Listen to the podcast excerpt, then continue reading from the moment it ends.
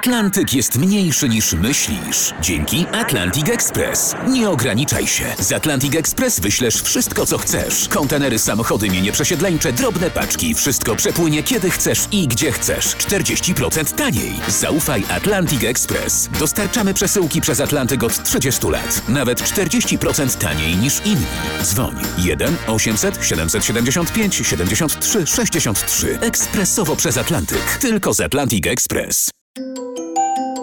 Technika dla laika, czyli naukowe felietony profesora Ryszarda Tadeusiewicza w RMF Classic. Człowiekiem, który spowodował, że właśnie animacja komputerowa stała się tym takim motorem napędu rozwoju animacji w ogóle, y, był George Lucas. George Lucas, pomysłodawca i twórca Gwiezdnych Wojen. Y, Wszyscy znamy te filmy, wiemy jak bardzo dużą rolę odegrały w historii kina.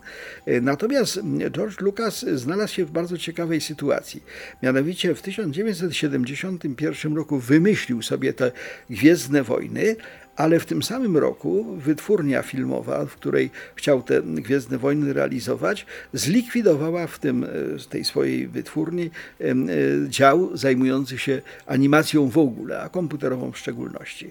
George Lucas e, nie znał polskiego przysłowia, że jak się chce wypić e, kufel piwa, to nie trzeba budować całego browaru. I zbudował browar.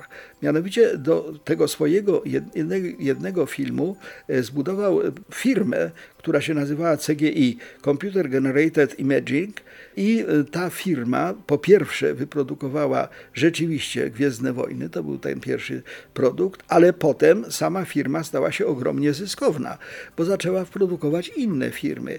Takim filmem, e, który był bardzo e, ceniony, właśnie robionym animacją komputerową, był w 1974 roku film Punga. On dostał nawet nominację do Oscara.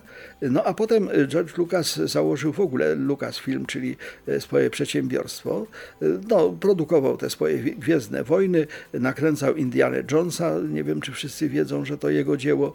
E, Potem Steve Jobs, czyli twórca firmy Apple, odkupił ten Lucasfilm i jako pod nazwą firma Pixar też produkował filmy animowane.